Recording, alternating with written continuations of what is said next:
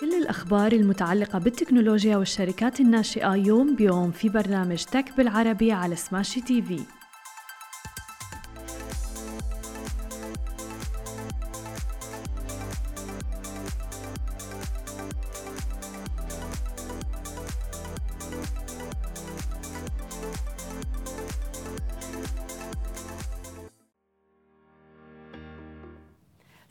الخير. عناوين اليوم ستارز بلاي تخطط للطرح العام خلال ثلاث سنوات ومنصة رين البحرينية للعملات المشفرة تسرح عدد كبير من موظفيها وأرامكس تستحوذ على ماي يو إس مقابل 265 مليون دولار.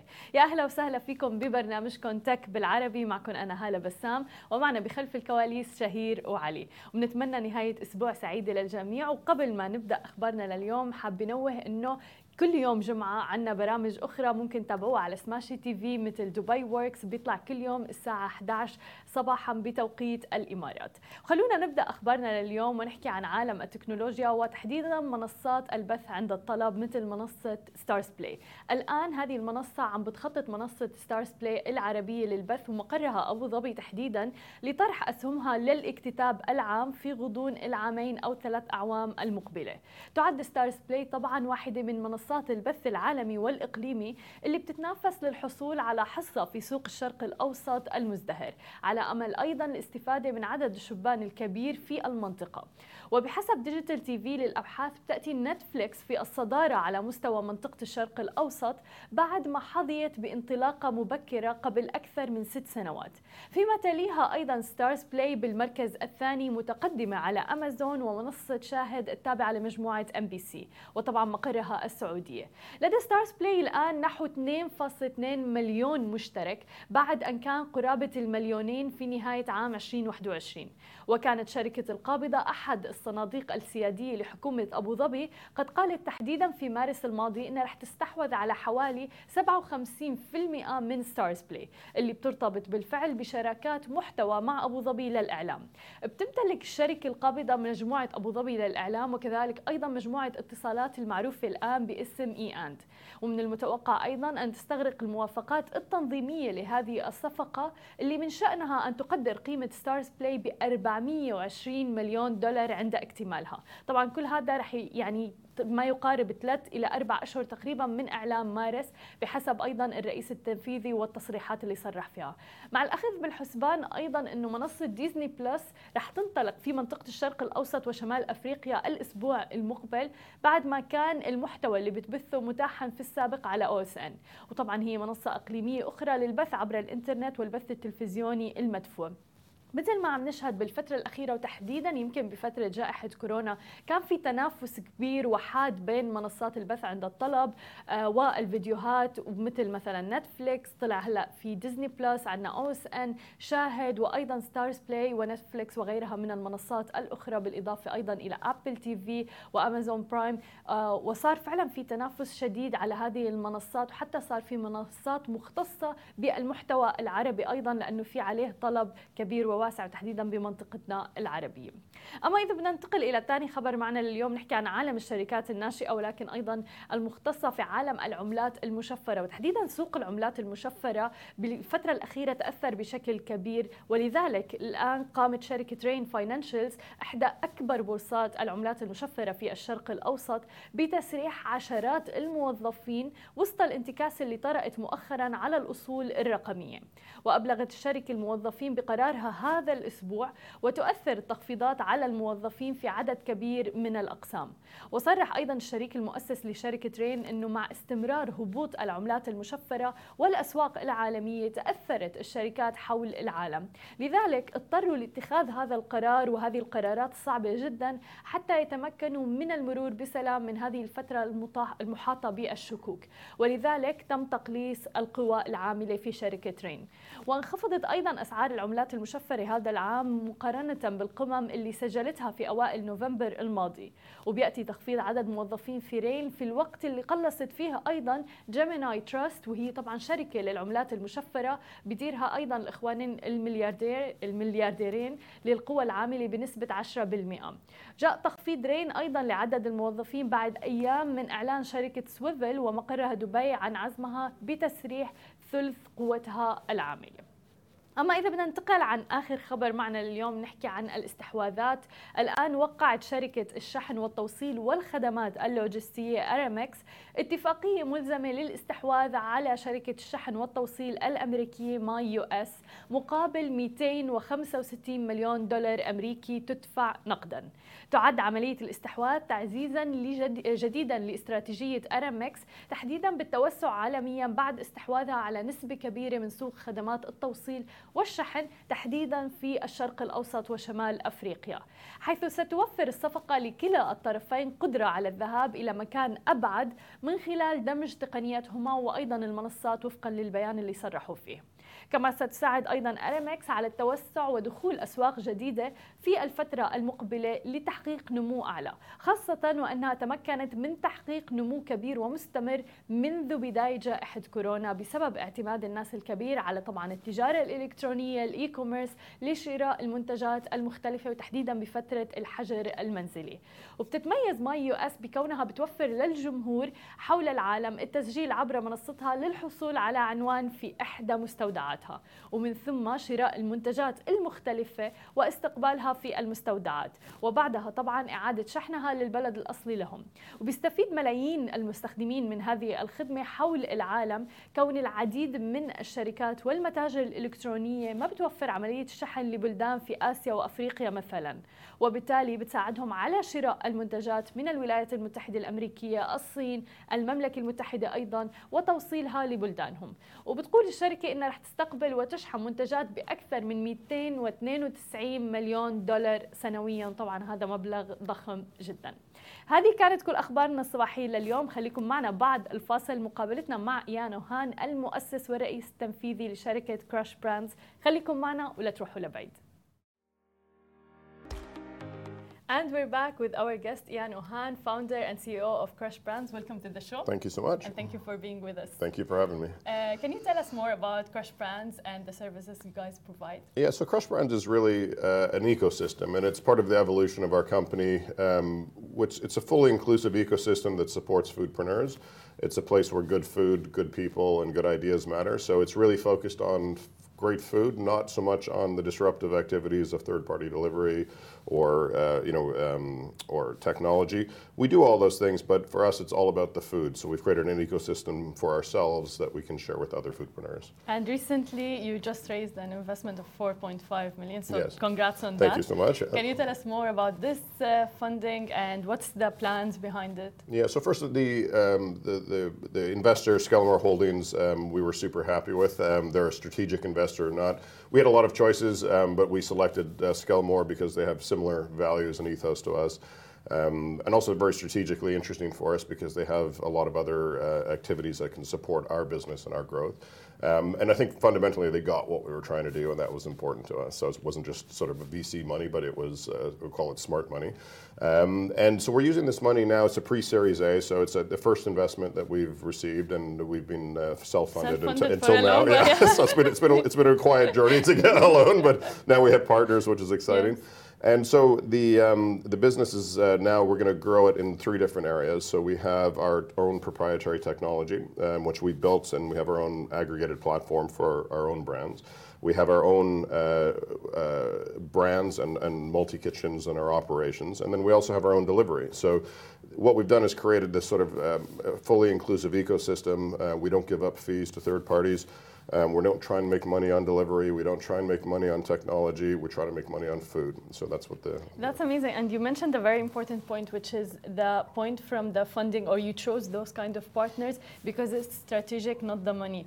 Uh, and a lot of entrepreneurs are focusing on that as well, which is they can get the money so many times, but then they look for strategic partners. Can you tell us more about this? Yeah, it's it, look. It was a long process actually, and we had a lot of choices, and we spoke to a lot of folks, and it was our first fundraising and I, I, guess I was very conscious that we had a very specific ethos about the way we do things, and we had a, a specific philosophy and sort of business thesis that wasn't all focused on top line growth. You know, which which I think in the current environment now top line growth is now, you know, I think investors want top line growth, but Yeah. they also want profitability, you know, as the cost of funds is increasing. So they, it, the, the investor that we chose was very much aligned and understood our interest in not just making top line growth, but also making a business that's sustainable and profitable today. Which is very important. How was like during COVID, like the delivery for, and especially food delivery apps were peaking. So how is it going right now? Yeah, so everything's so we launched Locale, the, Yeah. our aggregated platform for our own brands, um, in uh, late November of last year. So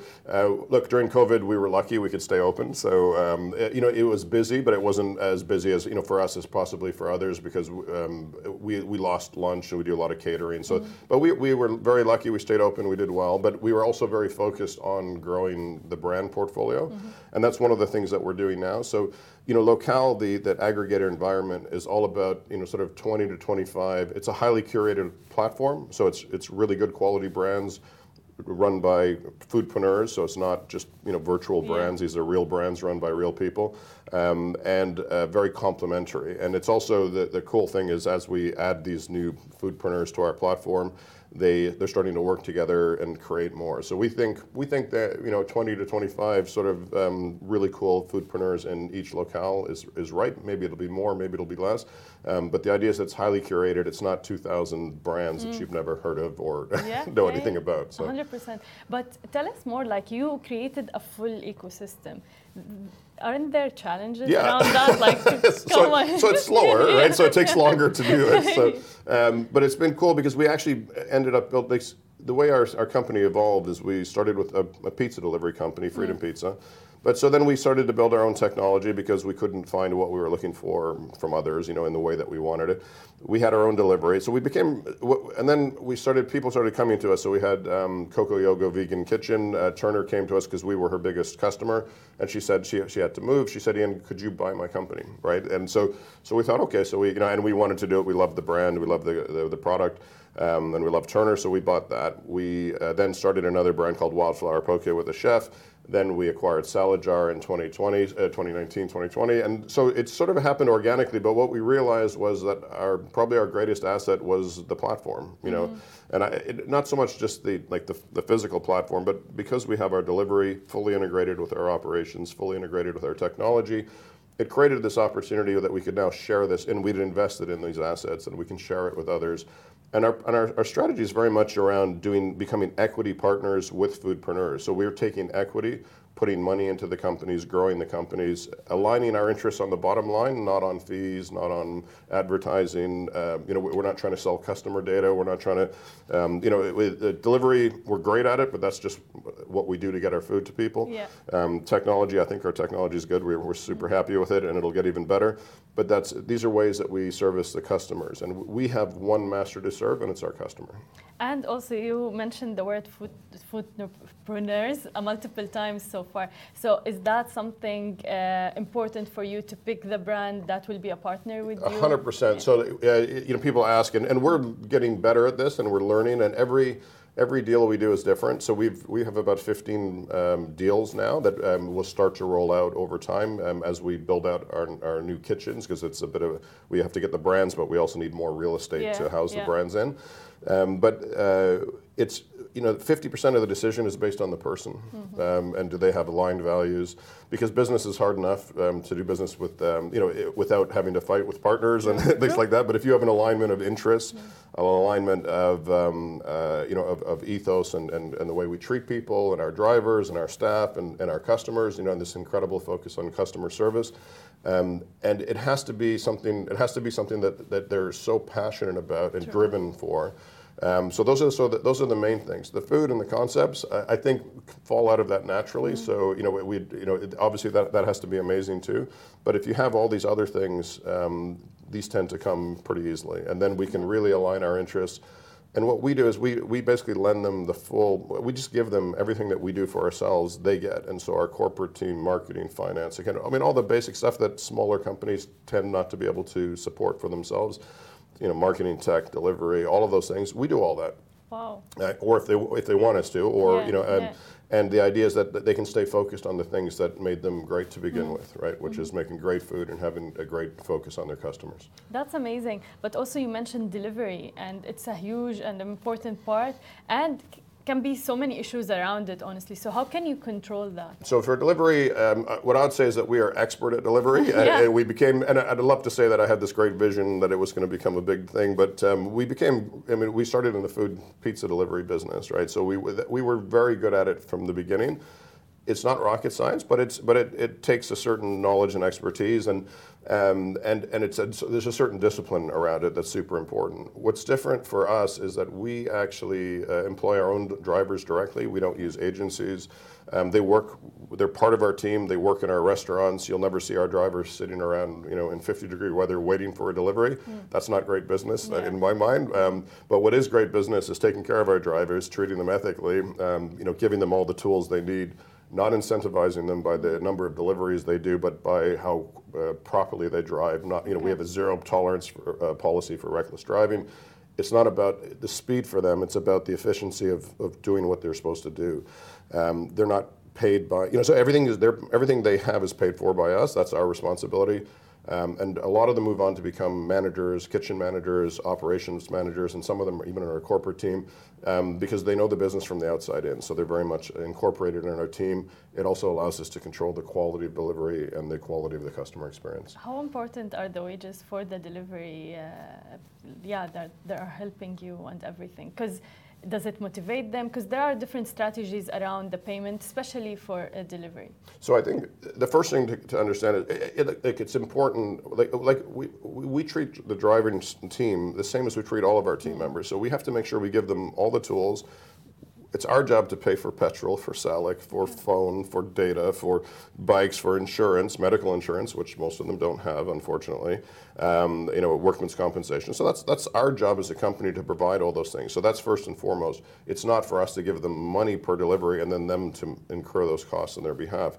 That's not how we do business, and I don't think that's how business should be done because these are employees, people that you know have Yeah. futures. They have people that depend on them at home, and so so we provide all of those things. Then we provide them with their salary, their you know their, their wages. They get tips from, and, and but we uh, but they don't have any other costs with us. So it's important that we reach their minimum threshold, including safety, because if you sometimes if you leave safety up to or insurance up to them, because they may not do it, right? Um, but I, I'm, I insist they do it. I've, I've insisted. I'm a motorbike rider myself, so you know I You make sure. know. So I make sure they have all the right gear, and we've always have, and that Yeah. they have safety training. The last thing that every driver says before they leave one of our restaurants is they call out the order to make sure they have everything. They s just say it out loud, but the very last thing they say is, "I will drive safe," and everyone in, Oh. and everyone in the restaurant responds. and- and- and- yeah. Well, it's just a reminder because you know it, it's an, an inherently dangerous activity, and and like I said, we're not. We, if if the delivery is late, um, I don't need the driver to try and make up for that on the road. I don't want them to make it. Um, we we have very efficient operations in our kitchen so that our drivers don't have to rush. But you're adding so much value and you're creating your own ecosystem. So let's talk about the business model a little, a little bit of the business. Um, is it profitable yet? So. So um, the business model is profitable. um, we are uh, we've slipped into a, a negative profitability while we're growing because right now we've we've um, beefed up our corporate team dramatically. We're building lots of multi kitchens, but we're will be profitable again very very soon. And I, and I know everyone says that, but we will be because we were before, and we and as we grow, you know, we're sort of uh, we're investing now. Within 12 to 18 months, we believe we'll be uh, not just profitable but very profitable again because we don't we don't give up uh, fees, right? So you know we have our own aggregated platform for our own customers. We have uh, our own delivery. We have our own brands. So so that we we keep all the money inside, and as I said, we align our interests with our food foodpreneur partners, um, uh, and we, we share with them on the bottom line. And how can you get more customers and attract them to your brand instead of the other competitors, uh, for instance? So the, our strategy is simple. uh, Is that and. We first of all we don't need the volume that they need because we're not trying to make a profit on a very On a- one part of the ecosystem. We own the entire ecosystem, so we just need to make a reasonable profit on the bottom line. Um, so you know, the business the industry now has been disaggregated, but it's but you know if you understand the third-party delivery companies don't make money. Yeah. So it's disruptive, but is it sustainable? You know, and and you know, is that a business model? You know, it's, I don't believe in that business model. I believe they can pivot. They have to pivot because they have to make money and their current model doesn't. So we don't we don't we're not subsidized in that way. And I, I'm I'm old school. I like to make profit in business. You know, I believe in making money. So um, um, and so so for us that that ecosystem is what allows us to drive profitability um, at, at, at scale. We don't need the same volume of customers that they need. We need the right customers. It's not a discounting pit. We have value opportunities for customers on the platform. The biggest thing for us now is to is to deliver the 20 to 25 brands, um, really cool brands, and each one of these brands, understand, is driving. You know, they're their own brands. We're not capturing them in Yeah. locale. We want each. You know, we're their business partners. So whatever whatever that brand needs to do, we're alongside with them, and they all they will all have different. Uh, you know, different paths, right? So some of them might need to open physical locations. Some of them Yeah. might want to open restaurants. Some will do kiosks. Some will do open in their own multi kitchens. You know, so so we're very much uh, you know, and by only having 20 to 25, we can treat them that way um, because we're their partners. So we want what's best for those companies. But having those, that choice and these great people around the table is what I think will drive people, um, customers, into the platform. And then the platform itself has value, you know, and for people that are looking for choice. But what we found is that each one of the brands is driving their own customers with their own marketing, Yeah. and so it's it's it's it's a combination. I, it'll, it'll, it remains to be seen, but I think 70% of customer acquisition and retention is going to come from the brands, and maybe 30% from locale as a Yeah. come to this place to find these Support choices. and yeah. yeah. exactly. It's a win-win scenario. Tell us about the future plans. So the future plans, uh, a lot of work this year. Um, uh, we're, uh, we're a UAE homegrown company, so uh, we're very focused on building out the UAE, our next gen kitchens. So uh, building out this network to cover all of the UAE this year. Um, with these, bra- uh, finished acquiring uh, these brands, and, and we're, so we're, we're we only have 25 places, and we're at about 15 now. So we're going to carry on with that process and um, uh, launch all these brands. So the, the important thing is that we finish building out this ecosystem in the UAE. Beyond that, we're looking regionally now and internationally. Um, if you think about where we could be at the end of December, we'll have our, uh, our, our food technology platform is growing and becoming more robust. We have, we'll have 20 to 25 really cool brands here, um, and we'll have our own delivery fleet um, and our kitchen network. So it- with all of those in place, that gives us um, an, what we believe is a lot of IP that we can export to, and particularly working with uh, real estate people that are real estate rich, um, that are looking to upscale their, you know, uh, up up value their Yeah. real estate. Um, because as, as the world went digital, the importance of real estate and the productivity has dropped. But we have a very productive. You know, we generate uh, you know incredible amount of revenue and EBITDA per square foot. That's amazing. Best of luck. Thank you so Thank you much. so much, Ian, for being with us. Thank you. Thank you everyone. We were with you in Tech بالعربي شو وبتمنى لكم إجازة آه، أسبوع سعيدة للجميع. Thank you. See you. مثل ما وعدناكم أخبار جديدة ومقابلات مع رواد أعمال يومياً في برنامج تك بالعربي على سماشي تي في. حملوا التطبيق الآن.